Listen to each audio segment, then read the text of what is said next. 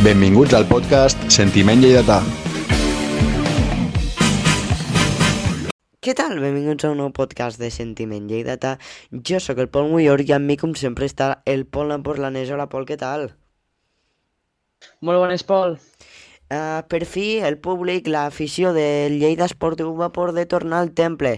Aquesta va ser uh, aquest diumenge eh, contra l'Andorra amb el partit uh, que corresponia a l'última jornada d'aquesta primera fase de segona divisió B. Els blaus van perdre, el, van empatar, van empatar, perdó, al minut 95 amb un gol de Carlos Martínez. Uh, ara pensem en la segona fase, perquè ja sabem els rivals. Pol, uh, avui és un podcast bastant diferent. Explica'm. Doncs sí, perquè d'informació portem l'habitual, sempre farem el postpartit i la prèvia de tots els resultats i les seccions, tot i que avui portem un plegat d'invitats que al següent eh, us eh, presentarem. Portem molts invitats, donem molta veu als aficionats del Lleida Esportiu i avui el podcast serà un podcast molt dinàmic i molt diferent. Doncs ara, Pol, primer de tot, eh, començarem amb la primera tertúlia, ¿vale? Seran eh, petites tertúlies de dues persones eh, de 10-15 minuts cada una. Allí parlarem de diversos temes, no serà cada tertúlia el mateix tema per així poder-ho fer, no? Més entretingut i no tan repetitiu. Aquesta primera tertúlia, Pol, eh, qui participarà? Doncs seran dos invitats, serà el Sergi Jomi, el Sergimovic i l'Oriol Huguet. Els tindrem els dos per parlar d'aquest eh, empat a casa. Així és, eh, parlarem de l'empat a un contra l'Andorra, així que va, donem pas. Doncs començarem parlant amb Sergi Movic i Oriol Huguet del postpartit d'aquest eh, Lleida Esportiu 1, eh, Futbol Club Andorra 1. Eh, bona nit, Oriol Huguet, què tal? Bona nit, bona nit. Una altra vegada aquí, encantat. A veure què em diem del Lleida Andorra. Eh, Sergi Movic, com estàs? Bona nit, xavals, com esteu? Jo, jo una mica decebut després del partit d'avui, però, però bé, amb ganes de, de parlar. Uh, els dos heu, heu tingut l'oportunitat d'anar al temple, no? Sí, hem estat allí. Jo, jo he arribat molt justet, eh? Molt justet, vull dir. Estava ja sonant l'himne quan estava entrant. Així que justíssim entrat. Sergi, tu també, no? Jo, jo també, de fet, eh, hem fet prèvia amb uns companys i a les 8 i mitja estem ja esmorzant. Què dius, tio? Sí, sí, sí. sí. Jolín, jolín. Uh, Pol Empurlanès, tu també has anat, no? Exacte. Jo, o sigui, l'únic que no he pogut anar sóc jo. O sigui, jo no he vist ni el partit, sol he pogut llegir cròniques Traïdor. i havia agafat hasta plaça, tio. Però, bueno, al final no, no, he, no he pogut anar. Uh, jo no parlaré gaire d'aquest postpartit perquè, perquè no l'he pogut veure, així que us deixo a vosaltres que, que en sabeu més. Uh, Pol, vinga, fes una mica de resum primer. Eh, primer, podem introduir una mica que aquests protocols Covid, eh, abans d'entrar en el tema partit, eh, bueno, el típic de la mascareta és obligatòria, també a l'entrar eh, presa de temperatura i també eh, gel hidroalcohòlic per eh, desinfectar i també és el, aquell QR per a saber si ets soci i si has, eh, allò que havies de fer a Twitter, bueno, que van, van penjar les xarxes socials, que havies com de reservar, no? que havies d'omplir Sí. si tenen símptomes, tot això, per entrar. Eh, us vull preguntar a Oriol i Sergi eh, què us ha semblat aquest protocol Covid? A veure, jo personalment, eh, aquest link que, van, que em van posar pel Twitter, si heu vist a diumenge, crec que el primer quan em ficava va ser dijous. Sí, I Sí, ho vaig que fer sí. dijous, ho vaig fer dijous, i dic, avui al matí m'he aixecat i dic, ostres, no me'n recordo si ho he fet o no. Vull dir, ho tornaré a fer per si. Vull dir, més, més val prevenir que curar, no? Ho t'ho he tornat a fer, però no, és que arriba al camp, ho he tornat a fer una altra vegada. què dius? Llavors, dic, sí, no? llavors per què me fiques el link si a l'arribar al camp ho he tornat a fer? Però no, ho trobo, ho trobo perfecte. Eh, crec que ha sigut la dona de... Allà, perquè jo vaig al lateral, Mm? crec que era la dona de l'Albert Esteve, que estava allí. I no, molt, molt amable tots i ha sigut el més ràpid possible i amb les distàncies de seguretat i tot correcte. No, ho trobo molt bé, molt bé. Això del, del, del QR eh, he sentit que, que han hagut també alguns problemes, eh, que o no sortia la llista o sortia com si tu ho hagués fet i no sorties com si no fossis soci no? d'aquest any, per exemple. He vist que, que ha passat, han hagut problemes per a que no t'identificava i que de, de, com no podries entrar no, al camp. Eh, Sergi, què t'ha semblat a, a tu? Jo, jo no he tingut cap problema. Vaig fer-ho, crec que va ser el dijous quan va sortir, un procediment molt senzill i avui he entrat sense cap problema. He ensenyat el, Mm. eh, la, la pantalla on apareix el meu nom i, i tal, i, i molt senzill. Sí. A més a més, les noies que hi havia a l'entrada eren bastant bones i això sempre és de valorar. Uh, jo tampoc he tingut eh, cap, pro cap problema amb el QR. Um, vosaltres que heu vist el partit, uh, jo he llegit que el Lleida ha fet un dels millors partits de la temporada, però que una empanada al minut 90, 95, eh, ens ha fet costar eh, el, els 3 punts, ens en duem un punt que serà molt... que igual pot ser útil per a aquesta segona fase, que, però que els 3 els necessitàvem. Eh, Sergi, ara tu primer mateix, com has vist el partit? Perquè t'he vist bastant enfadat, eh, quan ha acabat. Més que enfadat, és decebut. Vale? No crec que hagi estat el millor partit de la temporada, ni molt menys, ni molt menys, però sí que és cert que l'equip no m'ha desagradat, sincerament. Perquè bé, s'ha arribat a porteria unes quantes vegades, s'han creat ocasions, defensivament tampoc ens, ens han exigit moltíssim, tot i que n'han tingut alguna. De fet, crec que en l'última jugada de la primera part han rematat tota l'esquadra, un, un Val. vull dir, vull dir, correcte, vull dir Sí. que, que, a veure, Prèviament, Fernando Cano havia salvat un, un gol quasi cantat. Així és, així és. Eh, així que, a veure, l'equip no juga malament, vale? però el resultat final és empat. Llavors, eh, no et diria que mereixem guanyar perquè no, no ho veig tan, tan clar, però, però bueno, eh, per mi, de fet, és suficient i és el reflex de, del, del rumb de l'equip i tota aquesta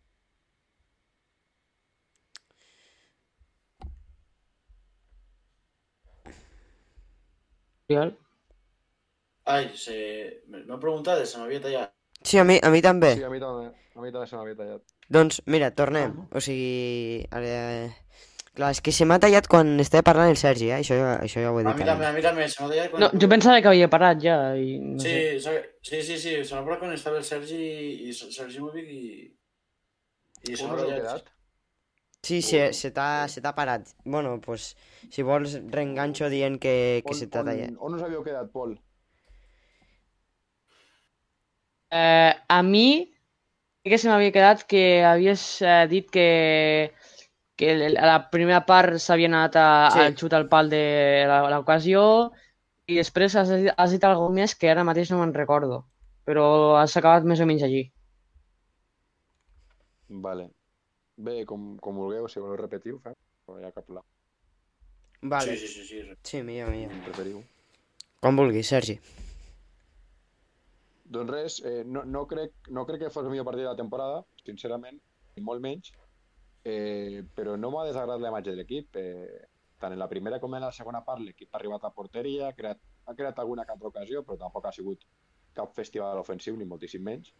I l'Andorra sí que n'ha tingut alguna. Dir, al final de la primera part eh, ha fet una rematada de pal. Eh, i algun cop sí que han arribat. Vull dir, al final és un equip que, que té molta qualitat. ¿vale? però, però bé, eh, dis, discuteixo bastant o, o, o, o no estic d'acord amb, amb la gent que diu que mereixem guanyar perquè l'Andorra ha marcat en l'última jugada. Vull dir, per mi el resultat d'aquest partit és un reflex clar de, de com ha estat eh, el rom de l'equip de del Lleida aquesta temporada. Vull dir, eh, el treball que s'ha fet, eh, l'esforç ofensiu i, i, la, i la mentalitat defensiva que, que vist avui, jo, jo he vist que ha sigut insuficient com per guanyar a un dels tres millors equips de, del grup. I, I estem on mereixem estar, ni més ni menys. Vull dir, això és el que penso. Oriol. Doncs, per part, me- normalment, vull dir, jo sóc bastant neutre, no?, en donar opinions i tot, vull dir, no em posiciono cap a ningú dels dos equips, però és que avui el que ens costa generar ocasions i el que a qualsevol equip de la categoria els hi costa generar ocasions i que els marquin, a altres sempre ens marquen per una puta empanada. Mhm. I és el que ha passat avui. Minut 95, eh, tens una empanada dins de l'àrea, a minut 95, vull dir, defensa tot Cristo, davanters dins de l'àrea si fa falta. I no pot, no pot passar aquella pilota que ha sigut un, un engany, crec que ha sigut de Víctor Casadesús, que està passadit de pes, per, per cert. Está Víctor gordíssim el cabrón. Està Està gordíssim. de pes. No? Però crec que ha sigut, vull dir, un bon amago i l'ha ficat cap a darrere, al punt de penal i, i xut, xut fàcil. Però no... Estava totalment sol a dins de l'àrea. Sí, però no, no és que sol, perquè allò, uh, és mal marcatge dels migcampistes de la segona arribada, però és que allí, per mi, ja eren migcampistes davanters, que allí la pilota no se li pugui ni passar pel mig. És que, no sé, però bueno. A part d'això, un Lleida que ha estat defensivament molt atent a la PTP, a la pressió tres pèrdua. Crec que això ha sigut el que pot ser el que hem anat millorant a poc a poc al llarg de la temporada. I, mira, encara no he vist, no, no m'he fixat bé quins són els pròxims rivals de, de la... Bueno, d'aquesta segona... Sí. D'aquests set equips, set equips, no són? Sí, de l'altre grup, del subgrup B del grup 3, és l'Hèrcules, la Nucía i el Levante B. Per part del nostre grup està, estem nosaltres, està el Cornellà, està el Llagostera i està el Badalona. Però contra aquests, que són el, el del nostre grup, no jugarem. Sol jugarem anada i tornada contra l'Hèrcules, la Nucía i Levante B. Doncs dubto que algun dels, dels tres equips de l'altre subgrup sí, siguin millors ja que el Llagostera. Ho dubto molt. Mm. Vull dir, el grup valencià és Per molt què? fluixet. Per què? El grup valencià, en, bueno, en termes generals, sempre ha sigut el més fluix. Vull dir, l'any passat ja vam poder veure que Hèrcules, València Mestalla, eren els que estaven cap a baix. Vull dir, en general, sí que és veritat que Villarreal B potser destacava més, no? Que s'enganxava Sí. així amb, el, amb els catalans, Sí, bueno, des... però per a baix però sempre la- estaven la el València, el Levante... sí, per això, vull dir, en teoria jo eh, espero que guanya la majoria dels partits. Però bueno, l'Hèrcules, en quant a pressupost i això, és un equip gran. Sí, però perquè l'Hercules ha, ha estat... Ha estat anys a primera, sí, sí. Uh, Pol, um, tu com vas veure el partit i després us llenço una pregunta. Eh, jo crec que sí que el resultat per mi eh, és just, tot i que eh, crec que sí que van fer bon partit perquè van minimitzar bastant l'atac de l'Andorra. Eh, L'Oriol comentava abans d'aquesta pressió després de pèrdua. Eh, al, al descalfament sentia que avui era dia de, de recuperar pilotes a dalt, de robar-les a dalt, i, i és, és to- totalment cert. Eh? Per mi, eh, l'Andorra ha tingut poques ocasions del partit, tot i que clares, a la primera part ha tingut una final del córner que ha comentat el Sergi, del cop de cap de Carlos Martínez, i després la del gol. No sé si n'ha tingut alguna més. El Lleida també s'ha dir que crec que, que en algun contraatac ha tingut alguna acció d'atac que ha perdonat, també que hauria pogut finalitzar almenys amb un xut a porta i ni amb això. Eh, hi ha hagut una també d'Albert Torres que el defensa de l'Andorra l'ha salvat eh, a baix, baix dels pals. No sé si ha entrat, crec que no, però, però una ocasió molt clara. Eh, per mi Lleida ha fet bon partit, eh, però això no treu que el resultat sigui, que, que sigui injust perquè un empat, eh, l'Andorra ha arribat, el Lleida ha arribat i per mi l'1-1 és, és just. Uh, la pregunta que us volia llançar, fem-ho fem una mica breu que se'ns acabe, que se'ns ens va acabant el temps. Uh, per què creieu que hem perdut? O sigui, en, en què hem fallat? Sergi? Et refereixes al llarg de la temporada. Mm, millor, bueno, si vols fem-ho del partit, partit. I, i de la temporada també, si vols, Per- però Per mi breu. partit reflex, reflexa molt bé el, el que és la temporada, la Mhm. veritat. I Ho veig, ho veig molt clar. És un equip eh, ens costa horrors crear ocasions i, i ens costa molt... Defensar un marcador, a més. Ens costa molt acabar les jugades, perquè ja no només és No a xutem. de camp, és, ac és acabar la, pro la, la pròpia jugada. Prendre decisions correctes a tres quarts de camp, que és on es decideixen les coses. Ens costa moltíssim. I a més a més, com deia l'Oriol, eh, ens marquen gols, com diu, eh, en errors defensius o en emprenades. Però el que Mm. passa és que quan, quan aquests errors defensius es repeteixen durant 20 jornades, jo no crec que siguin empanades. Jo crec bàsicament que, que defensivament eh, l'equip no, com he dit moltes vegades, no està treballat. O no està treballat o, o els jugadors que hi ha darrere doncs, no han demostrat eh, eh, ser dignes de, de, de, no sé, de jugar un equip que aspira a, Però, almenys a lluitar, almenys a lluitar a entrar al playoff, crec jo. Almenys a lluitar-lo. Ja no us dic... Jo al Lleida, Mhm. honestament, no li exigeixo que, que entri entre tres primers. Perquè tant Andorra com Nàstic com Barça B tenen millor plantilla. En això estem d'acord. Però Sí. sí. que li demano que, que lluiti per entrar-hi fins l'última jornada. Perquè sí que penso que són millors que Llagostera o Badalona o Cornellà. M'explico? Llavors, hòstia, jo la sensació que em deixa és... Eh, els números per mi parlen per, per si sols. Molo no ha fet millor eh, promig de punts per partit que si viérem la merda que tenia. Aquesta és la realitat del Lleida. Vull dir, és així.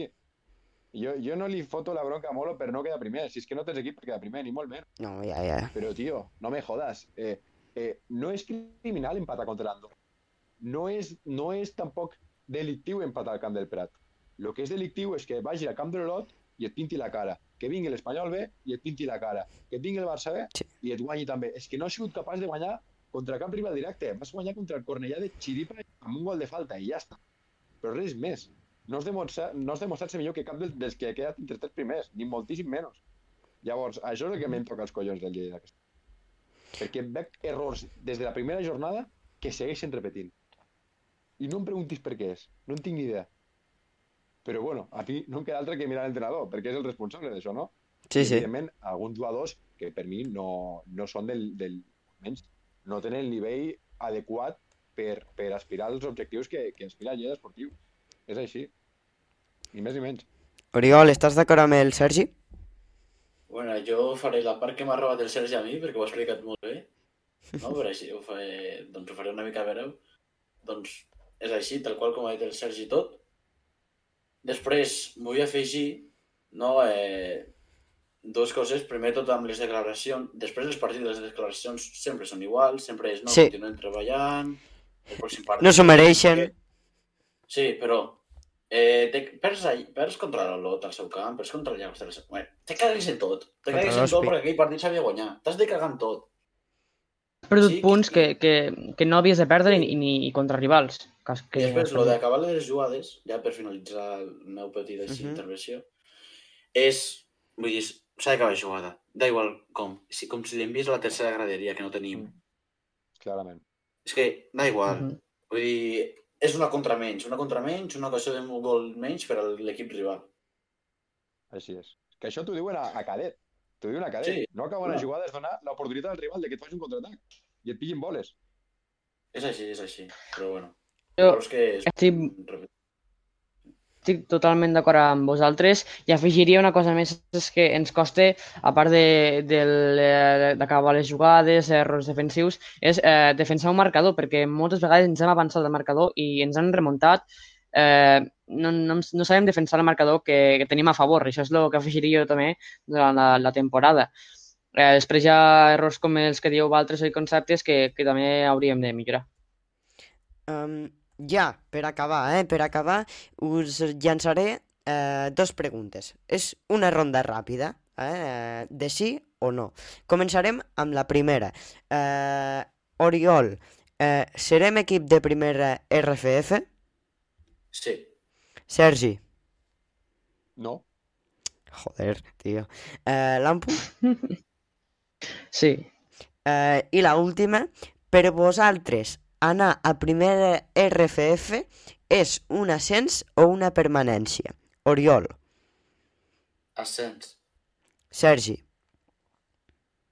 Una obligació. Ni ascens ni permanència, una obligació. vale. Eh, Pol, una permanència.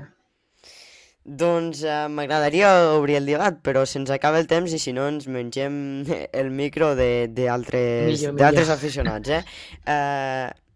Mira, m'ho apunto i si en tot cas, una setmana us portem a nosaltres dos, a vosaltres dos i, i portem aquest tema a debatir.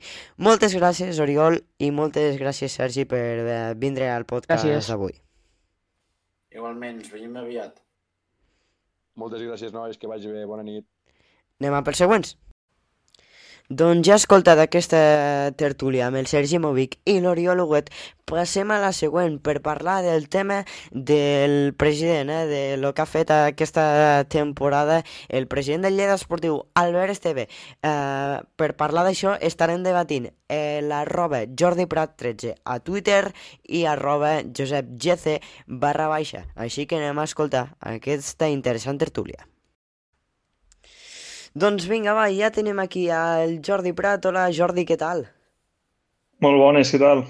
Uh, encantat eh, de que estiguis aquí amb nosaltres i també està amb nosaltres el Josep. Hola, Josep. Bones. Uh, parlarem del tema president, eh, de què s'ha fet a la gestió de plantilla, els fitxatges que s'han fet aquesta temporada, amb què podríem millorar.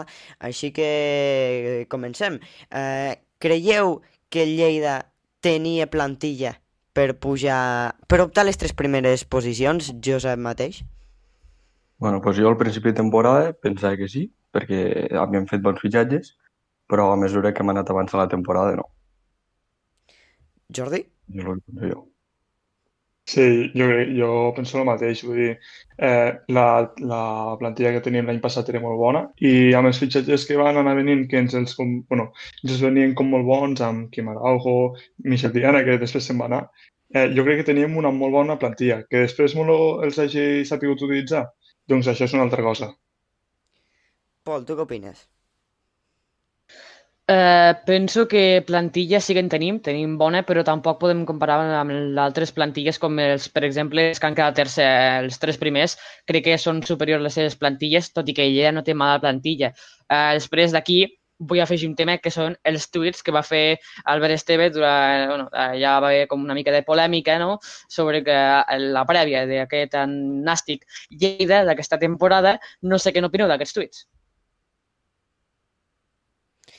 Si, si se'n recordeu, eren tuits que, a veure, doncs, eh, carregaven entre cometes, no?, contra Lleida en Joc, que va fer una entrevista a Joan Oriol, i, i bé, també, no?, que Albert Esteve ja el coneixem, que, que està bastant calent per Twitter. Jordi Prat, eh, què n'opines d'això? Eh, jo, la veritat és que no vaig trobar gaire bé doncs, que Lleida en Joc publiqués allò eh, justament abans de començar el partit. Vull dir, crec que ho podrien haver fet perfectament una vegada acabés el partit o ja, sé, la setmana que ve, doncs, per exemple, un dimecres, un dimarts o qualsevol altre dia. per tu eh, el timing de l'entrevista no va ser el correcte. Sí, però després eh, que també eh, Albert Esteve li repliquessi d'aquesta manera a, a Lleida en joc, tampoc no ho vaig trobar de normal perquè això és un medi de comunicació i moltes vegades parla de llibertat, no sé què, que tothom pot dir eh, el que pensa i d'això també doncs, no, no vaig trobar del tot gaire bé que, que, doncs, que Albert Esteve parlés gaire, vull dir, que opinés de, de, de què, què feien i el que no feien els altres mitjans de comunicació. Eh, Josep? Jo comparteixo opinió amb el Jordi, que penso que ho havien de fer un altre dia i que el president tampoc no, tampoc no tenia que dir-los i tot això, saps? Perquè ells estan fent la seva feina. Mhm. Saps?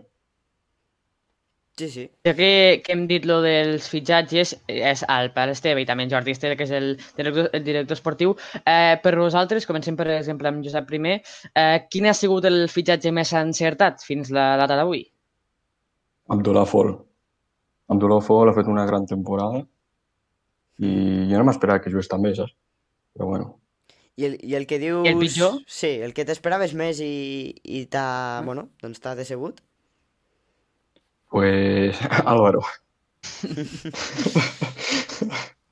Jo, jo totalment d'acord. Jo crec que Fall eh, també ja havia fet una molt bona temporada a Peña Deportiva, que van entrar al playoff aquell que, bueno, que se van inventar aquell playoff. Però no, a mi també m'ha sorprès molt Fall, que el fiquis on, on vulguis, doncs rendeix molt bé, i el pitjor, Álvaro González. I també no m'acaba d'agradar eh, Quim Araujo, m'esperava una mica més d'ell, Mhm. també per les expectatives que se donaven. Uh, vosaltres la culpa uh, de la temporada en general a qui li ficaríeu? Al president, a Molo o als jugadors? Qui... Contra qui carregueu més? Sí que tots tenen a veure, eh? però al final qui és el màxim responsable, Jordi? A veure, jo crec que aquí hi ha tres parts molt, bueno, que són, eh, bueno, que, que, que col·laboren a pues, que hagi aquesta primera fase, com com vulguis, que, que no hagi anat del tot bé, que això crec que són els jugadors, l'entrenador i la directiva. A partir d'ahí, jo qui crec que podria haver millorat o que ho ha fet pitjor, jo culparia més que res a, a Molo perquè no ha sapigut utilitzar o no ha sapigut en cap moment tenir un esquema de joc definit, una estratègia definida i, i crec que podríem haver aconseguit moltes, molts més punts, eh, haver guanyat molts menys partits si ho haguéssim fet d'una altra manera. També t'ho dic, és el que abans he dit, de, del tema de que no, jo crec que no s'ha pogut aprofitar els jugadors que tenia, que eren d'un tipus totalment diferent. Mm, Josep? Bueno, pues de la directiva, per no fitxar jugadors de, de l'estil del Molo. També la culpa és de Molo, per no, no ficar els jugadors que corresponien a cada posició i donar-los les oportunitats i dels jugadors de no donar la talla. O sigui, la culpa és de tots, sincerament. Conjunt. Vale. Sí, sí. Perquè al final és que, el que juguen són els jugadors, no? Però, però clar. Sí, sí. Totalment. Eh, ara tinc una pregunta per vosaltres, i ja per anar acabant. Eh, perquè sí, bueno, podem buscar qui, és, eh, qui, qui ho ha fet pitjor, no? Però ara hem de buscar solucions. Ara el que interessa és buscar solucions, no anem a culpar ningú. Llavors, eh, sé que us pillo a bote pronto, eh, perquè això us hem dit ara mateix que faríem aquest tema, però no sé si teniu alguna idea de, de què faríeu, pues jo que sé, ni que sigui per portar gent al camp, eh, algun jugador que us agradaria veure, eh, Una iniciativa, no? d'aquestes. Per també incitar a la- l'afició. Relacionades amb el Lleida, no cal que sigui de plantilla, el que vulgueu, vale. per tindre més massa social. Com si siguéssiu Albert Esteve per un dia. Eh, Jordi, per comença tu mateix. Jo, vale, jo crec que, a veure, eh, portar gent al camp ara mateix no es pot. Jo vaig anar, bueno, va, vaig tenir la sort de poder anar-hi eh, el dia, bueno, de l'Andorra i la veritat és que hi havia molt poca gent i a mi això em va decebre d'una manera o una altra. Perquè si ja eren pocs abans, ara encara eren menys. Però, L'horari però tampoc acompanyava així, gaire? Diumenge a les 12... Puf, Tampoc. Sí, sí, un horari... Festiu. I, bueno, i tornem a jugar Claro, a la mateixa hora. Però jo crec que ara mateix eh, no, no s'han de fer ni canvis d'entrenador ni, ni...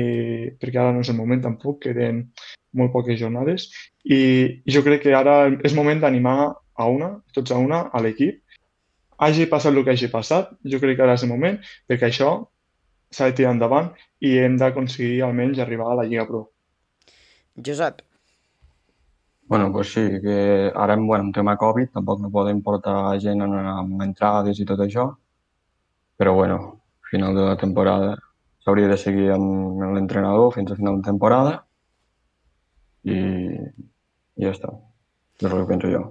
I una cosa que estem fent a, amb tots i farem amb tots els, te, amb els que esteu parlant aquí són una ronda ràpida de sí o, de sí o no.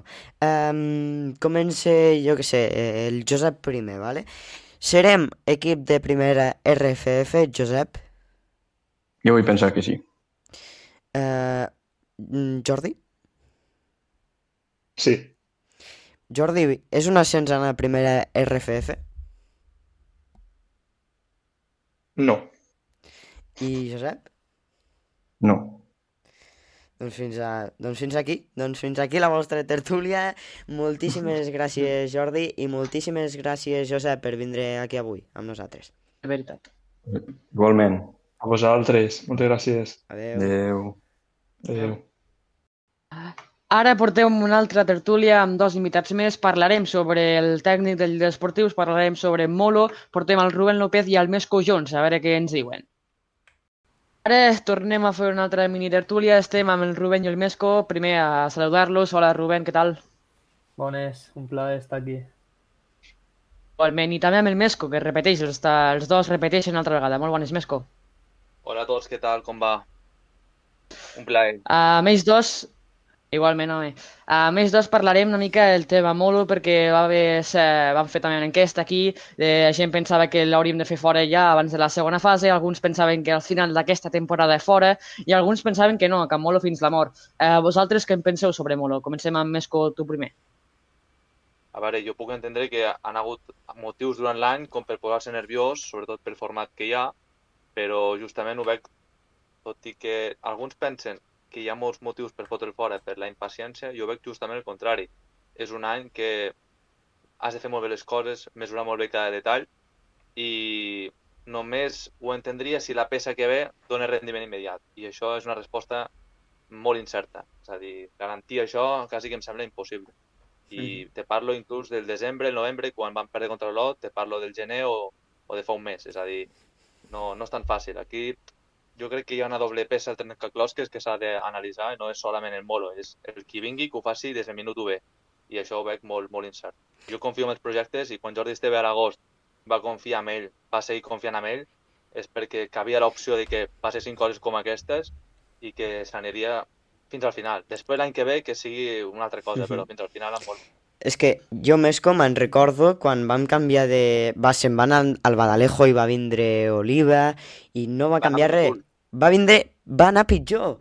I sí. mira l'Andorra, anava segon amb, amb Gabri, crec que era, va portar a. Salavia i s'ha classificat entre els tres primers a... Vamos... A mi, a, sí, sí. Entrenadors esperant són el resultat I, de- i de Garrido, partit. Garrido tampoc Sí, ho estava fent tan exacte, malament, el van canviar, exacte. van portar un altre Sí. i ara estan, al de, estan últims, i han quedat últims. Sí, Claro. sí.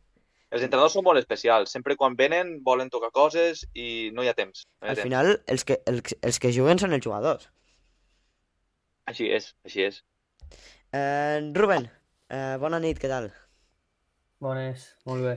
Què Bé, n'opines tu? eh, jo crec que Molo és el, és el principal culpable perquè no, no s'ha sabut eh, mantenir un estil de joc constant tota la temporada i a, a hores d'ara encara no sé quin és l'11 titular del, del Lleida Esportiu, però penso que, que no és el moment ni és l'any per un canvi d'entrenador perquè és el que diu el Mesco. Mm, Si aquí portes i rendiment immediat complicadíssim. Llavors, Eh. ara vuit jornades, sis partits, eh, a tope amb ell, però està, està difícil la cosa i ja us dic, l'11 del Lleida Esportiu jo encara no el sé. I és bastant Home, Estic una molt, de... Sí, sí. Jo critico això també eh, de Molo, que, que quedi aquí a, a l'acte, no? És a dir, jo, jo critico coses de Molo, però no, no sóc partidari de ficar gasolina al foc. No s'apaguen els focs així. Jo estic molt d'acord amb l'11 perquè eh, Molo acostuma a, ens està acostumant a fer molts canvis setmana darrere setmana els seus 11 titulars i sí que és a dir que, que no té una estructura sòlida com els 11, no? Sí que hi ha jugadors no, que habitualment juguen, però un 11 complet ens costa no, adivinar-ho eh, i per altra banda sí, sí, és, és, és això. Eh, Jo, jo volia especificar una cosa, que, Pol, eh, sí que alguns jugadors mm, repeteixen 11 cada setmana, però perquè no hi ha ningú més. Sí. O sigui, eh, per Simic. exemple, Raül, o... bueno, sí, Simic, però, però Raül eh, sí que el nivell que ha donat mm, durant l'any és per ser titular sempre. Però si hi hagués un Eder al seu cantó, ja vam veure l'anterior any que, que anava dubtant, anava canviant cada dos per tres Sí, i sí. això a segona B has, has de tenir un 11 més o menys ideat i més al final de temporada. I, Sí, sí. I una cosa, que aquest any el Lleida... Bueno, diumenge vaig veure que van fer molt bon partit. Jo no vaig poder anar perquè, bueno, ten, jugava un partit jo, a veure si puc anar aquest diumenge. Però, bueno, vaig veure que van fer un bon partit. Almenys, eh, els, els partits que he vist jo, el joc del Lleida a mi no m'ha agradat. No m'ha agradat.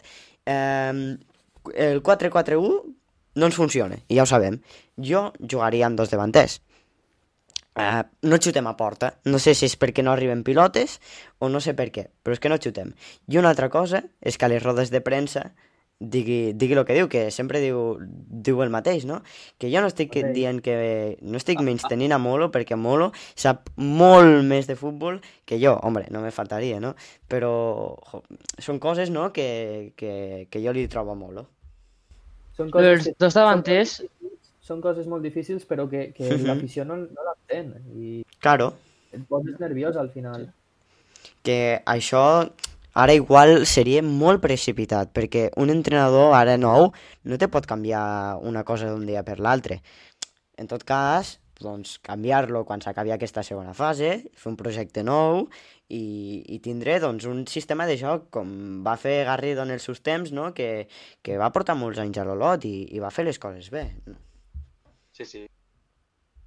Eh, jo penso igual, primer perquè eh, hi ha molts exemples de que eh, no han vingut nous entrenadors i no ens ha sortit bé. També hi ha alguns eh, que també n'ha sortit bé, però en aquesta temporada que eh, no te permet eh, cometre més errors o molts errors perquè és una temporada també més reduïda i més eh, difícil, més dura, doncs portar un entrenador no t'assegura que, que et surti bé i és molt arriesgat també eh, portar en aquest tipus. I sobre el joc, de, portàvem moltes setmanes reclamant aquest doble davanter amb Nico Jauregui. I Raül, jo penso que el que no t'aporta un, t'aporta l'altre, és la parella perfecta de davanters, jo penso. Eh, un té velocitat, l'altre te la baixa.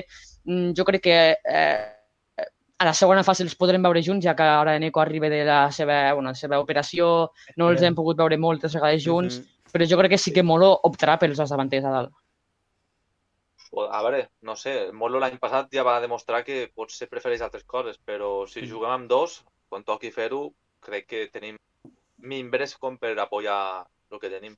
Sí, jo crec que amb dos delanters sí que podríem optar a molt més. Però clar, després... Mm, sí, sí. És que ja us dic, és que és tot l'11, és que no, no ha sapigut fer claro. gaires coses aquest any.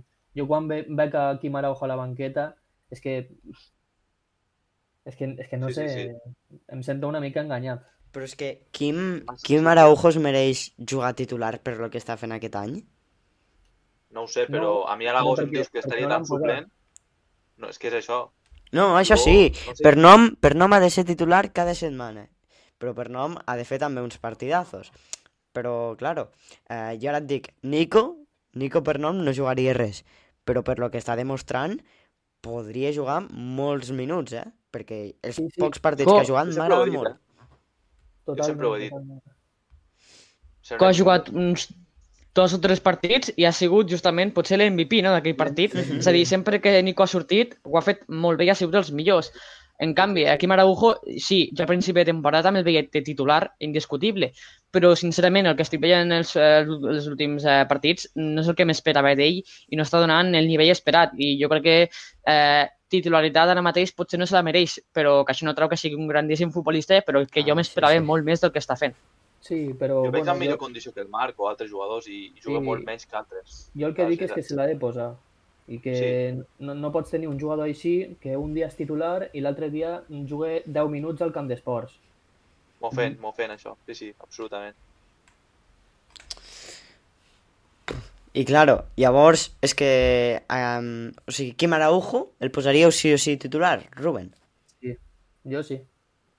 Ha Vale. vingut, ha de jugar i molt més que, per exemple, jugar Marc o altres jugadors. És a dir, jo partiria de la base que Quim se li dona continuïtat. I més mal li fas deixant-lo tants partits a casa, com per exemple de l'Olot, que no, apenas va jugar 15 minuts. No sé, no sé per què ens permetem aquest luxe, no anem tan sobrats. Vale. Sí. Llavors, una pregunta ja per anar, per anar acabant i fer-vos les, dos, a- les dos habituals que farem. Uh, la culpa és tota... És, la gran part de la culpa és de Molo o no? Té una part de culpa, segurament, però és que ho veig molt, molt conjunt. Els jugadors tenen també una part molt important i segurament si té culpa Molo també la té la part que configura la, la preparació, perquè o Jordi Esteve o qui sigui. Perquè no sé si Molo juga... No, no és el típic entrenador que Vicky Lleida fer el que vol, sinó Molo executa també el que li proposen de dalt, o això vull creure. I si el que Sí, sí. executa és el que veiem, doncs no, no, no m'està agradant tant. A més, una mena com una ca de cadena, no? També es va Exacte. encadenat, Sí, també. Sí, sí. Molt gràfic, molt ben definit, així és. Sí, sí, sí. Ruben? Jo, jo considero que, que la gran part de culpa, ja ho he dit abans, és, és de Molo i del seu cos tècnic. Vale. Penso que no s'han no sabut adaptar a una temporada que, que requeria molt, molt esforç i, i molt treball. Penso que en molts partits no, no ha hagut aquest treball que, que demanem l'afició de Lleida en concret, perquè nosaltres mm, podem exigir unes coses quan van les coses bé, quan van les coses malament, però sempre demanem un mínim d'esforç i en molts partits no, no he vist jo aquest esforç i penso que la majoria dels que estem aquí també, també ho pensem. Una, una cosa que vull recalcar, perquè aquesta temporada doncs he, he vist a molta gent no? doncs, faltant al respecte a Molo. No sé dir-te els noms ara, però te puc dir Molo com te puc dir, jo què sé, Álvaro González. Un se ho mereix més que altres, no? Sabia ho Però- anaves a dir. Però uh, Molo, per exemple, també se l'està se l'està veient d'un punt de vista com a entrenador, no? Com, com si encara sigués jugador. No sé si m'enteneu per on vaig. Que l'estan valorant sí, encara bueno. com, com a jugador. A veure, jo, primer de tot, jo la temporada que ve, doncs no sé si contaria amb Molo com a entrenador, perquè Molo, com a persona, doncs és un tio, joder, que, que, que me cau molt bé i que eh, va vindre a Lleida per, perquè és Lleida, si no, no hagués vingut aquí segurament. I, i que va ser un jugador històric i, i és, serà una llegenda del Lleida esportiu. Però això no indica que perquè és Molo eh, li deixem passar tot el que faci com a entrenador, no?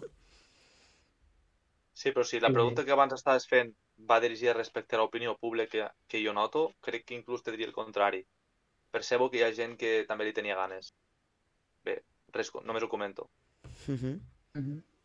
Sí, bueno, sempre hi haurà algú que, que pot estar més a favor de Molo o no, però, però sí, jo penso que se'l veu encara com, com aquell jugador que, que, que ho donava tot, que, que donava un munt de...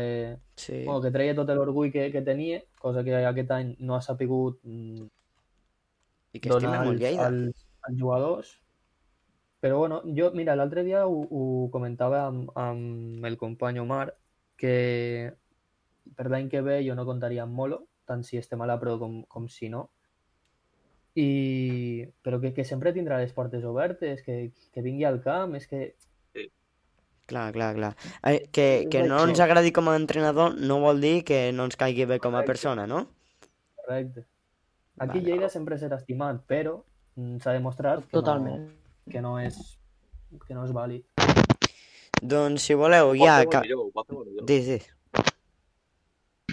Què dius? que ho pot fer molt millor. Sí, sí. Sí. Uh, per anar acabant, la ronda ràpida que, que fem. Uh, Ruben, serem Ah. equip de primera RFF? Sí, Mesco? serem equip de la Liga Pro i celebrarem tots junts. Mesco.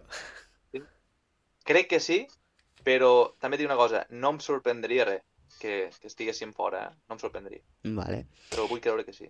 Uh, Ruben, per tu és un ascens anar a primera RFF? Ui, molt difícil aquesta pregunta, però sí, sí és un Ah. ascens perquè, perquè no, perquè bàsicament perquè portàvem 3 anys sense fer playoff. Uh -huh. Què, què, més, què més hem de demanar?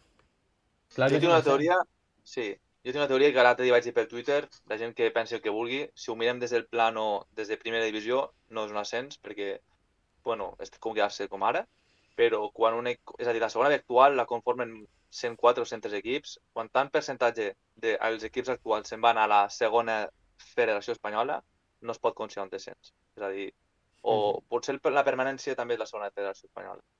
Vale. Entenc com la gent ho vegui, però la primera, des de luego, que s'ha de veure com també un ascens. No tots pugen allà. Una part molt menor del, del total puja allí. Vale, doncs uh, moltes gràcies, Ruben, moltes gràcies, Mesco, per estar avui amb nosaltres. Vinga, A xavals, un plaer. sempre. La pròxima. Adéu. A veure, a veure si la pròxima pot ser amb, amb l'ascens a primera RFF, va. De bo. Aquí estarem. Adeu. Adéu. Adéu. Ara sí, ja per anar acabant, una altra tertúlia amb dos invitats més, en aquest cas amb l'Omar i el Xus Olugi a Twitter, per parlar sobre els eh, rivals que té Lleida en aquesta segona fase i el calendari que depara. Doncs ara tenim dos invitats més, l'Omar, molt bona nit, Omar. Molt bona nit, senyors. Una vegada més aquí corrent al barri. Així m'agrada. I també el Xus Olugi, Olugi a Twitter, molt bones, Xus. Hola, buenas noches, ¿qué tal? Un placer. Igualment, amb ells dos parlarem també eh, dels rivals d'aquesta segona fase del Lleida, aquests tres rivals, i també parlarem del calendari. Doncs sí, perquè aquesta Comencem, setmana, eh, dilluns, eh, s'ha conegut el, el calendari no? de, de Lleida Esportiu. Pol, el tens per aquí? El tinc per aquí, Pol. Vinga, va, tira. Eh, primer comentar els tres equips, que seran l'Hèrcules, l'Atlético Levante i la Lucía.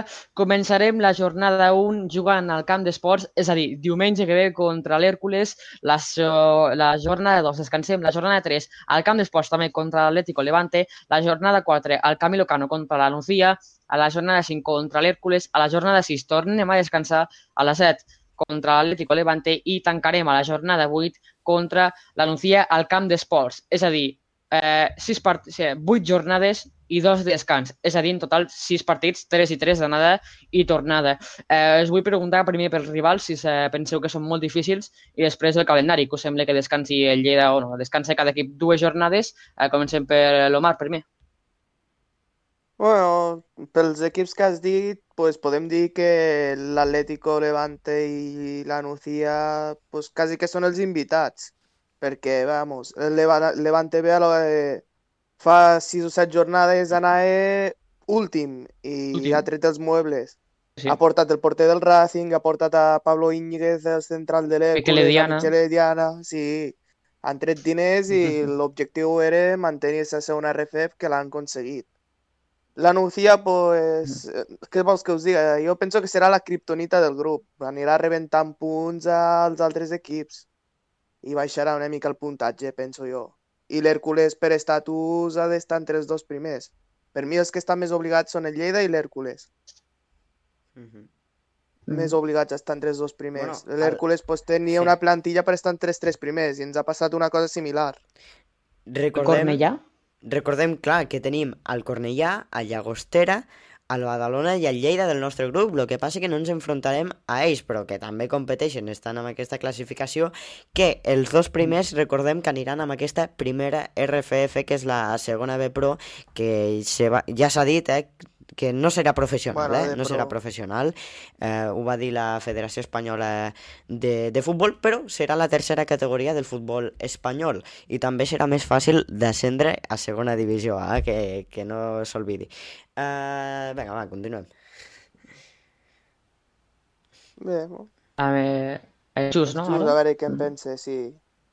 Els rivals. Bueno, yo, yo en el más o menos igual que, que piensa Omar, el Hércules más o menos por plantilla y por historia, pues es uno de los equipos que tiene que, que estar arriba. Lo que pasa es que no sé si le puede pasar eh, factura el hecho de empezar con, con menos puntuación. Sí que tiene que, eh, que tiene dos partidos menos, pero eh, esos dos partidos hay que jugarlos y, y siempre le puede, le puede pesar un poco eh, esa diferencia de puntos.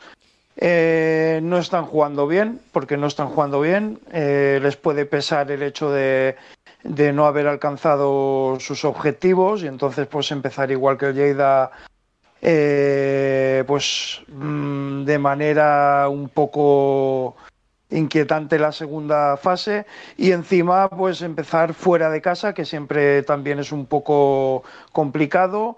Y si empezaran con una derrota que es lo que esperamos pues se le va a poner muy cuesta arriba lo que es ya la segunda fase.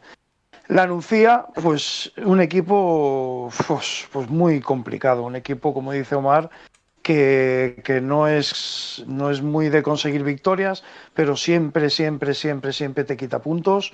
Eh, en su estadio es muy, muy, muy difícil de jugar.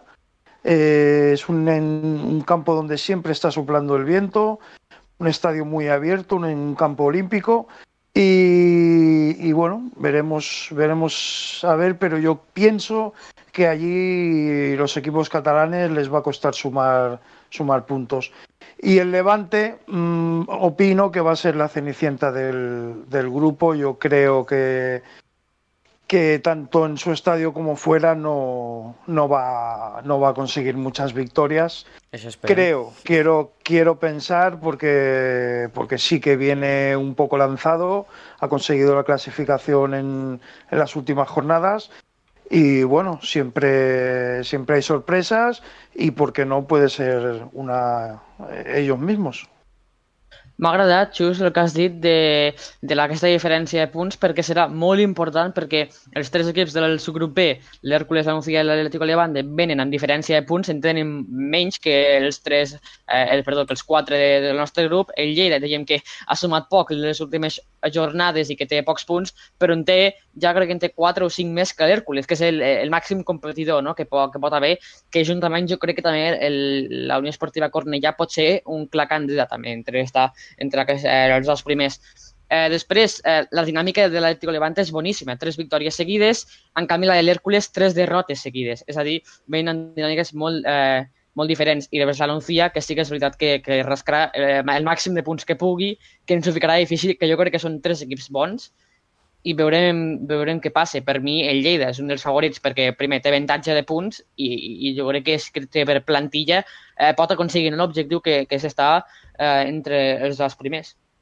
Sí, el calendario eh, creo, opino que para nosotros ha sido muy benévolo porque era súper importante poder empezar en casa porque Sí. después del A més, duro dos golpe... jornades seguides a casa. Sí, que potser I acabem i comencem al camp d'esports, que acabar també serà Sí. molt important, Correcto, o sea, empezar y encima contra un rival como el Hércules, que el hecho de que si sumas los tres puntos es un golpe muy a favor tuyo y un golpe duro de cara al rival.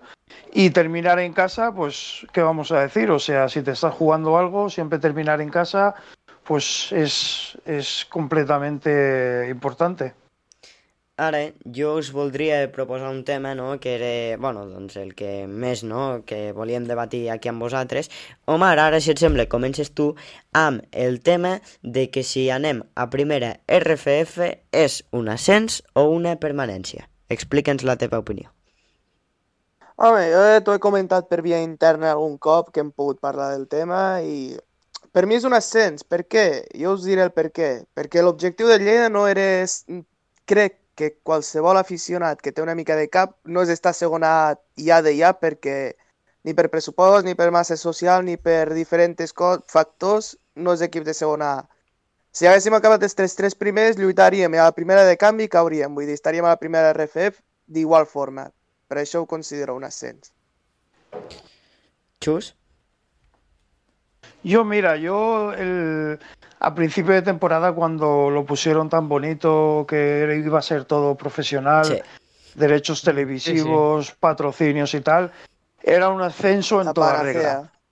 Entonces todo ha cambiado un poco, pero ¿qué pasa? Que me pongo a pensar que el año que viene empezamos la categoría eh, teniendo otra categoría entre la segunda A y nosotros y, y me entra una depresión. O sea, no me, no me puedo imaginar eh, que si ya la segunda B es muy complicada porque estás ahí siempre luchando por ascender a segunda A y nunca lo consigues, el hecho de pensar de que tendremos otra categoría entre medio de la segunda A, o sea, no, no, no quiero ni pensarlo. Por eso para mí eh, alcanzar la Pro es un ascenso en toda regla porque es necesario de cara a nuestra mentalidad. Jo... Em, Sí, sí, tu. Dis, Pol, dis. Jo? Mira, jo opino que al final seguirem estant a la tercera categoria del futbol espanyol, no? Llavors, per això, podríem dir-li que és, que és una permanència. Però després què passa? Amb aquesta primera RFF que tan bonica ens van pintar, no? Que, die, que diuen, no? Que diuen que era tan professional com has dit tu, Xus, ara ja no ho estan. Ara, eh, bé, doncs serà una, una mena de segona B, però que serà molt més fàcil eh, de pujar a segona A. Per què? Perquè sols seran dos grups de 20 equips, si no m'equivoco, compost, eh, eh, i, i el primer, de, el campió, pujarà directe a segona divisió A. I el segon, el tercer, el quart i el cinquè faran playoff. Què passa aquí? Els cinquers últims, eh, els cinquè últims, eh, baixaran a segona RFF. Llavors, jo crec que per una part és una permanència, perquè al final seguim estant a la tercera categoria del futbol espanyol, però també ho podríem considerar com un ascens, perquè això pinta doncs, que serà una mica més professional, no? Perquè, a veure, al final, més professional és tindre eh, 40 equips en una categoria que en dos. No, Pol? No sé què opines tu. Eh, Pol, ho has tret de la boca, és a dir, podria ser un 50-50 perquè una banda, eh, per una, eh, una banda, si només miréssim les competicions, si miréssim la classificació sense mirar eh, cap altre tema, seria una permanència, literalment crec que perquè seria la segona B ara mateix és la tercera competició i la primera RFF seria la tercera, és a dir, una permanència. Però sí que és veritat que primer, a, a principis de temporada, com esteu dient tots, ens ho han pintat molt bé, eh, amb trets televisius, seria molt més professional, i ara sembla ser que no, que, que ja no serà tan professional, i que, clar, eh, la diferència serà, serà o sigui, la diferència hi està de la segona de divisió B. Uh -huh. Dit, dit això, per mi eh, seria un 50 permanència i un 50 ase- a- ascens. Hombre, una, una cosa está clara, que si no la quieren hacer profesional y, y se han venido un poquito arriba y ahora lo están arreglando, algo tendrán que hacer más que nada porque no es lo mismo la segunda B donde vas a jugar a Llagostera y a Cornellá que si hacen una pro donde tienes que viajar a Castilla y León y a Galicia. O sea, son 2.000 Sí. kilómetros en un desplazamiento, Sí, sí, sí. son hoteles, o sea, la federación va a tener que mojarse sí o sí. Però... Bueno, jo volia fer una, po- un apunt que en quin moment els clubs s'han cregut de que aquesta categoria nova seria professional. Si hi ha una llei clara, que és la llei del deporte, que la professionalització d'una categoria no la pot portar la Federació Espanyola de Futbol. Això és el que volia dir. No podia ser, tio. Mhm. No... Vale. Mm, Pues en su, clubs en crec- su día, en su día cayeron todos. Claro, eso sí es la ley del deporte y ampara que la liga profesional de fútbol tiene que llevar, té que portar això. Sí, sí, sí. Només ho pot canviar el CCD, El Consejo total. Superior de... Sí. Sí, sí, sí, no así entiendo es. cómo han picado los equipos. Vamos. Aquí, aquí va a pasar algo gordo y, y va a ser pronto, porque en el momento en que esos 40 equipos vean que el pescado ya no es tan bonito, van a empezar a decir, no, no, quieto, que yo es que ahora Claro. tengo... eh, eh, el, el gasto en desplazamientos y en hoteles ha pasado de ser de 300.000 euros a 700.000. Esto lo tendremos que arreglar por algún lado. Y, y la cosa va, va a ir a mayores. I una altra cosa és que Bueno. quan se començaran a dir les coses, perquè els equips ja Això, estan eh. fent la segona fase, no?, per pujar amb aquesta primera RFF, Mhm. i és que no s'ha... Y les primes, y les primes també. Claro. eh, que I és ara que estan començant a tenir eh, reunions. Totalment. Que no, no faran res, home. Serà més despesa. Sí, sí, sí. Va a haver jaleo, va No haver jaleo seguro.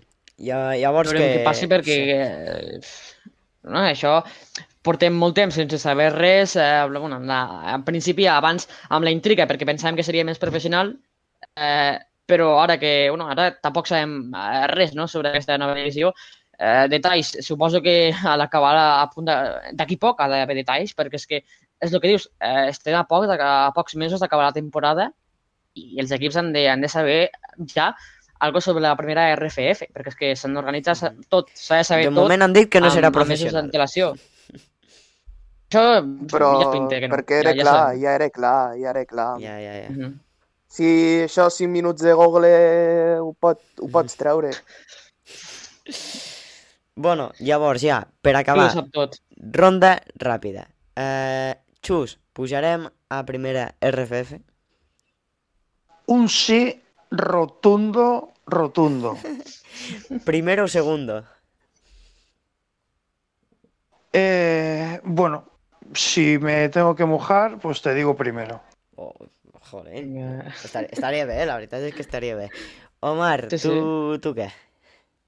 Jo penso que serà un sí gegant, però que pujarem segons amb gol de Raúl al minut 90. Pensaba que Però ibas a no, decir se, no se sap res de, de... Jo pensé que anava a Sí, dir a sí, Pau jo també, Torres. no? Jo, jo d'Álvaro González, no, no se sap res del gol d'Álvaro González, encara ha marcat amb el Lleida. S'està pe- s'està esperant al minut 90. S'està esperant a l'últim partit al minut 90, home. Que ho fa aposta. El ja t'ho partit jo. decisiu, és, és, és on apareixen els, els grans jugadors, jo crec que sí. Claro, Eh, Lo mejor para el final. Eh, y me permitís una cosa. Adelante. Se levanta la camiseta y pone dedicado para mis, para Misco.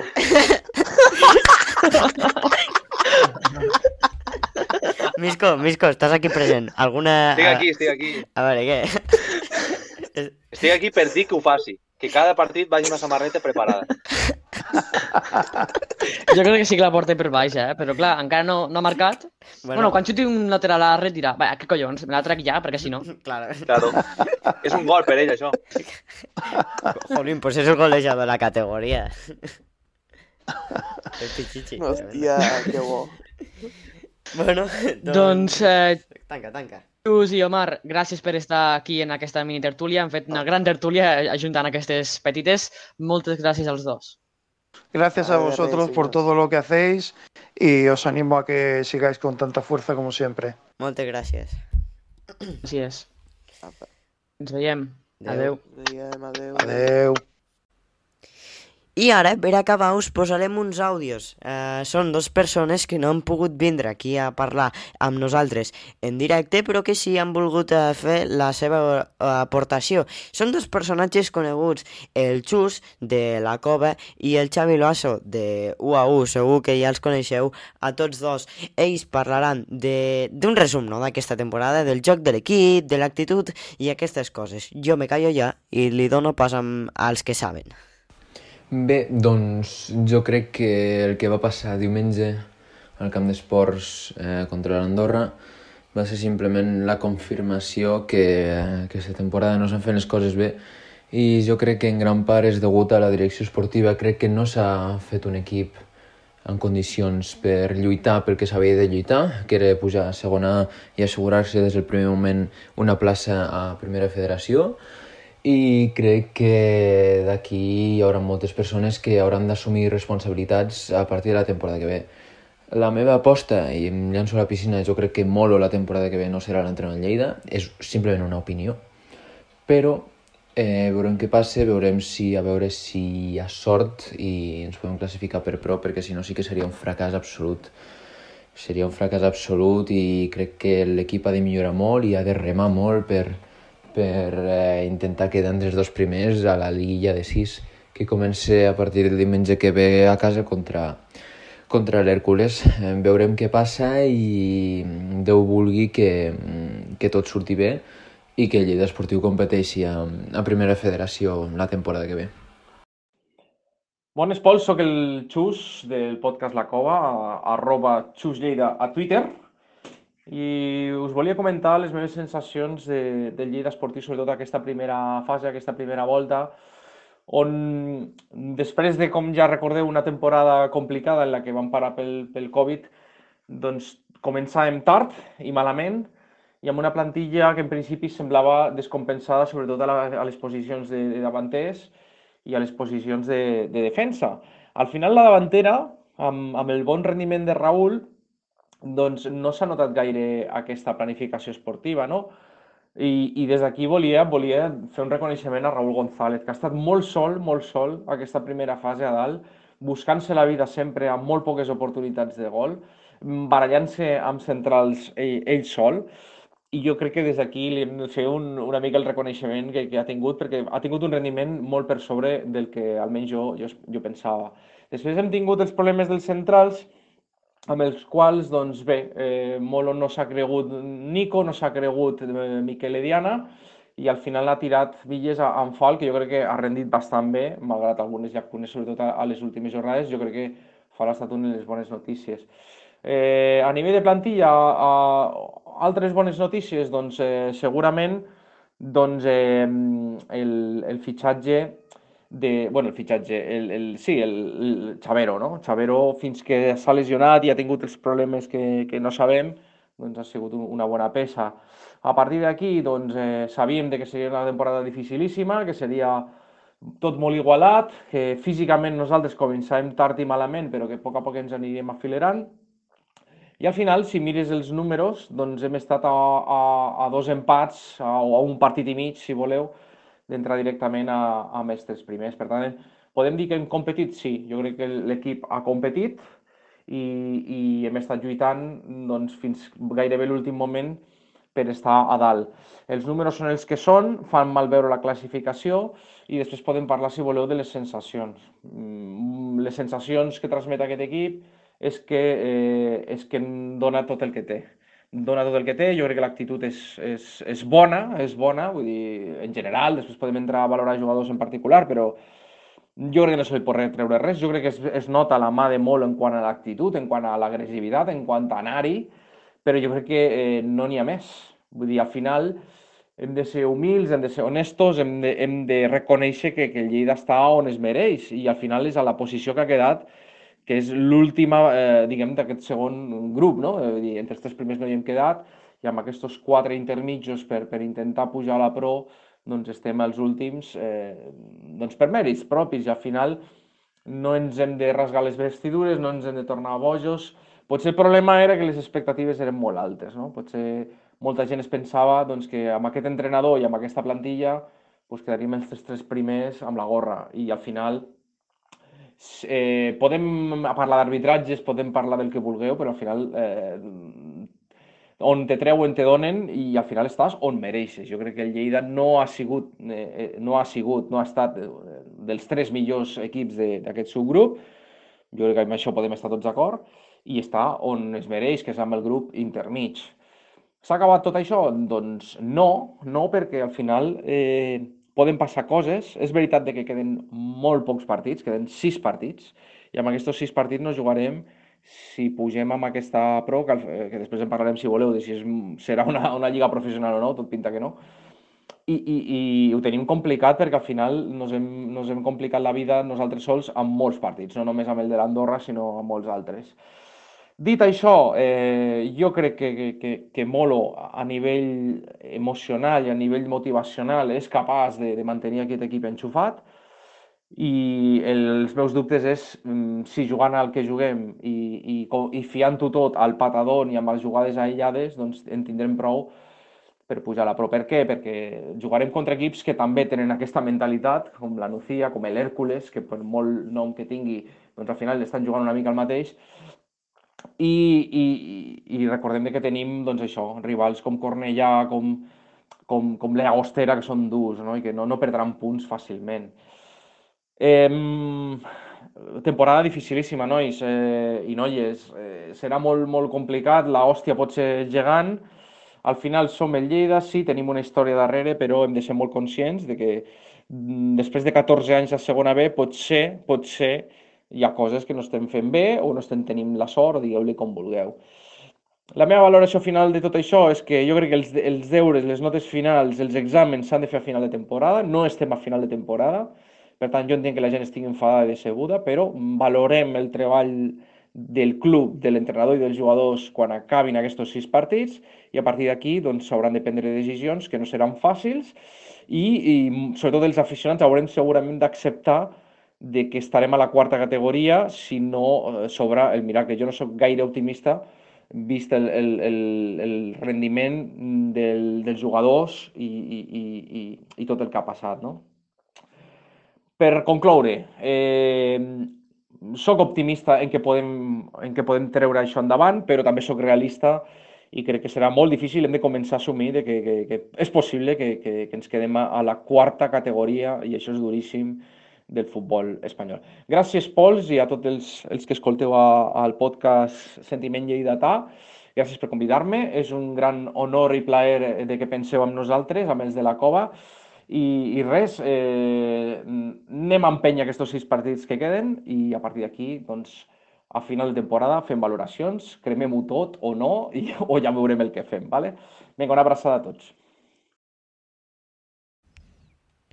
Doncs ara és temps a parlar eh, dels resultats eh, d'aquesta jornada, de la última jornada de la història de segona divisió B. Eh, han hagut eh, resultats interessants, com el Cornellà, que va guanyar 2 a 1 al gimnàstic de Tarragona. Eh, això jo crec que ningú s'ho esperava, perquè el Nàstic doncs, sí que no jugava res, però... Amb remuntada inclosa. Clar, clar, clar. El Badalona va empatar al municipal de, de Badalona contra el Futbol Club Barcelona B per 0-0. Eh, a part del Lleida Esportiu Andorra 1, també es va jugar, per acabar, el Llagostera 2, Associació Esportiva Prat 0. Eh? Eh, tots aquests partits es van jugar en horari unificat. Uh, Pol, com queda la classificació? A Pol, abans, eh, quan, hagué, quan hagués sortit aquest podcast, a l'Undemà jugarà l'Espanyol B contra la Unió Esportiva Olot per tancar ja sí definitivament l'última jornada a les 5 de la tarda. Eh, I en aquesta jornada descansava el Centre d'Esports Hospitalet. Ara sí, repassem aquesta classificació definitiva. Ara sí, aquesta és oficialment la classificació de la primera fase. Líder ha quedat el Nàstic amb 35 punts, el Barça B segon amb 34 i tercer tancant eh, les tres primeres posicions per l'ascens a la segona divisió i ja tancada que estan són equips de primera RFF i l'Andorra amb 31 punts. La quart ja està la Unió Esportiva Llagostera amb 29 punts. El segueix amb els mateixos punts la Unió Esportiva Cornellà. El Badalona es queda sisè amb 28 punts i encara la zona per la primera RFF està el Lleida Esportiu setè amb 27 punts. A la zona del descens, els quatre equips on durant tota la temporada quasi han estat a baix. El Centre d'Esports Hospitalet, un recent assingut, eh, està a vuitè amb 22 punts. El segueix de ben a prop l'Associació la, Esportiva Prat 9 amb 21 punts. Desè està l'Espanyol B amb 20 punts i QE del grup està la Unió Esportiva Olot amb 18 punts. Aquests quatre equips últims seran els que com a màxim lluitaran per, per, per, per quedar-se a la segona divisió B i alguns d'ells eh, podrien que caiguessin a la tercera divisió, que seria una catumbe, no? podríem dir. Uh -huh. eh, Pol, repassem així ràpidament aquesta eh, eh, classificació. T'ha sorprès? T'esperaves a l'inici de la primera fase que quedés així? Bé, bon, la veritat és que els tres primers doncs, són equips no? que per pressupost tenen que estar dalt. No? El Barça B, jolín, és el filial d'un de, de dels millors clubs del món. El Nàstic no és un equip de segona B i l'Andorra doncs, és l'Andorra de Piqué. No? Uh, zona intermitja està el Lleida. Jo crec que era on ens esperàvem. Què? Que l'Andorra ho has resumit molt bé, és l'Andorra Piqué i llavors ja, això ja, ja sabem el que, el que comporta, no, també. Doncs sí. I a baix, eh, sobretot, eh, de lo més destacat no m'esperava eh, a l'Olot. L'Olot és un equip que la temporada passada va molt fer, va fer molt bona, molt bona competició. Queda i, doncs, aquesta, doncs, vuitè. Ha quedat últim i ens esperàvem, mm, me'n recordo, que un dia recuperaré el directe, l'stream a Twitch, a principi de temporada que vam fer un tier maker, eh, el tier maker podríem fer això, eh, doncs Què et sembla, Pol? Què et sembla? de la, aquesta classificació. Què et sembla mm -hmm. si divendres fem un streaming a Twitch reaccionant a les nostres prediccions? Perfecte, però ara sí. Eh, això que l'Olot, els dos el van ficar, eh, no sé si, sí, alguns entre els tres primers i altres el quart al setè. I, en canvi, ha quedat últim amb el canvi d'entrenador. Sí, sí, ningú eh, els primers jocs, ningú, ningú. Els tres primers jocs era, jo crec que m'ho esperava, tot i que la previsió potser no ho vaig ficar exactament així, perquè són els tres equips que tenen millor plantilla, més pressupost i, i bé, eh, ja sabem el nivell que tenen, no? No, no es pot comparar amb els altres, que són els que estan al mig, que més o menys sí que, que m'ho puc esperar. La Cornellà ha acabat més o menys bé la competició, però va començar i, i va haver mm, va estar a punt de... El, el seu entrenador va estar a punt de ser eh, destituït. Eh, va, la temporada del Cornellà podríem ser que ha sigut dolenta, tot i això ha acabat cinquè, ha acabat relativ, relativament bé. I per baix, eh, sí, el que, el que sorprèn és l'Olot i l'Espanyol B, que se, semblava que podia sortir d'aquest pou, va tornar a caure i podria ser també, no, juntament amb l'Olot, una de les sorpreses perquè l'Espanyol B és filial d'un equip gran, però, però bé, eh, el que més sorprèn és l'Olot a baix i després els tres primers és el que la majoria de gent ens esperava. Mm -hmm. Ara, Pol, anem a parlar del pròxim partit de Lleida Esportiu perquè aquest diumenge comencem la fase 2 de la competició de segona divisió B en què lluitarem entre que, per quedar entre els dos primers jocs i poder assolir l'ascens a primera divisió eh, Real Federació Espanyola de Futbol. El Lleida Esportiu es medirà aquest diumenge, com hem comentat a fa uns instants a la tertúlia, a les 12 del migdia contra el club de futbol Hércules, eh? un equip, doncs l'Hércules d'Alicante, eh? que és un rival històric amb molts anys a primera, però que no està passant ara pel seu millor moment. Començarem al camp d'esports, eh? al Temple, i on segurament, encara no ha dit res el club, però que podrà entrar gent, eh? els màxim mil socis. socis podran eh, accedir al, al recinte esportiu de, de, de Lleida. Eh, hem comentat els tres rivals eh, d'aquest eh, subgrup València, eh, Hércules, Anuncia i Atlético Levante. Sens dubte, d'aquests tres, el més fort és l'Hèrcules. Començarem jugant contra ell, això sí, al camp d'esports, és una cosa molt important, i amb el suport de la gent, que això no ho vam poder començar en la primera fase. Sí, eh, això de la segona fase, primer, tenim diferència de punts, que és avantatge, és, Però ja ho hem comentat abans, serà molt això, important eh? perquè... Això al final s'iguala, perquè... tots Sí, juguen sí, els però, però bé, comences amb avantatge, eh? Comences amb avantatge, també. Això també ens Eh, enganyem bé, a nosaltres. I, i, No? la primera fase, eh, eh, doncs vam, vam, han jugat quasi totes sense públic i aquesta segona es notarà que ja començarem amb el públic, no? amb l'escalfor de l'afició, que això se notarà, se notarà moltíssim, jo crec. Eh? Eh, Hércules ve d'enca- d'encadenar tres derrotes seguides, és un equip que ara mateix no està en el seu millor moment, però que és un equip molt difícil de batre. Com dius tu, cl- club molt històric, eh, té molt pressupost i és clar candidat d'estar primer o segon, juntament potser amb el Lleida o el Cornellà, que es podria ser un altre rival eh, que quedi entre les dues primeres posicions. Eh, fem una porra, ja que estem, no? Eh, no comencem la segona fase amb ganes, amb l'afició, al camp d'esports, i per què no? Jo opto per la victòria, opto per un, bé, no ho he pensat, 2-0. 2-0? Hosti, vas, vas fora, eh? No, he dit, pum, això, m'ha vingut pel cap i dic, mira, això. Doncs jo optaré per un 2-0, tu dius, doncs jo 2-1, va, a veure si, si aconseguim guanyar, perquè és molt important, eh, guanyar amb aquesta primera jornada, a veure si Mhm. això és possible. Uh, Pol, ara sí, anem a la secció i, i última, primera i última que farem, perquè avui eh, deixem a part eh, Twitter i Lleida, ja que eh, tenim el podcast bastant cargat ja. Pol, comenta'ns l'enquesta que hem penjat aquesta setmana a xarxes socials. Doncs com sempre, una enquesta setmanal, en aquest cas preguntàvem si, finalitzada ja la primera fase, si esteu contents amb la primera fase del Lleida Esportiu. Hi havia dues opcions, sí o no. La opció més, més votada ha sigut no, amb un 95%, i sí, amb un 5%. És a dir, la majoria, la majoria de les persones eh, han dit que no estan contentes amb la primera fase de Lleida. T'he de dir que jo tampoc. Eh, L'objectiu, mm, alguns, les tres primeres posicions no s'ha adquirit i això és normal que la gent s'enfadi, no? Eh, no sé què has votat tu, Pol. Doncs jo he votat que no. A mi el Lleida Esportiu no me'n vaig content no, d'aquesta primera fase. La veritat és que el joc de l'equip no ha sigut molt bo, els resultats no han acompanyat perquè hem perdut punts que no s'havien de perdre, contra Baix hem perdut contra l'Hospi, contra l'Espanyol B03 a casa, um, contra Orolot... Ens hem, és que hem perdut molts punts innecessaris, contra el Prat, ara me'n recordo també, així que Uh, realment no ens mereixem ser entre els tres primers i que el Lleida ha quedat setè. Va a la primera RFF, però Sí. com a últim candidat. Claro, a veure, jo m'esperava més. Sí, si mirem els números, eh, és a dir, eh, si, si els números parlen per, per ells mateixos, eh, mm, els números són molt dolents i com tu dius, setè eh, de l'última posició per, a que, per aconseguir aquesta primera RFF.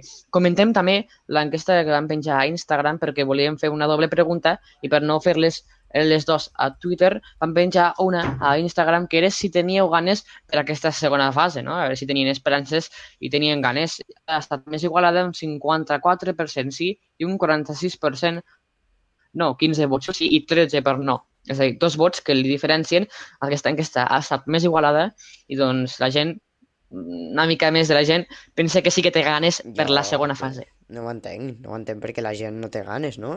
No sé. Sí, per molt que mal, per molt mal Nueva... que estigui Lleida, Claro, eh, claro. veure el Nueva teu equip fase, jugar, nueva ja- vida, ja se Pol, tindrà nueva ganes. fase, nueva vida.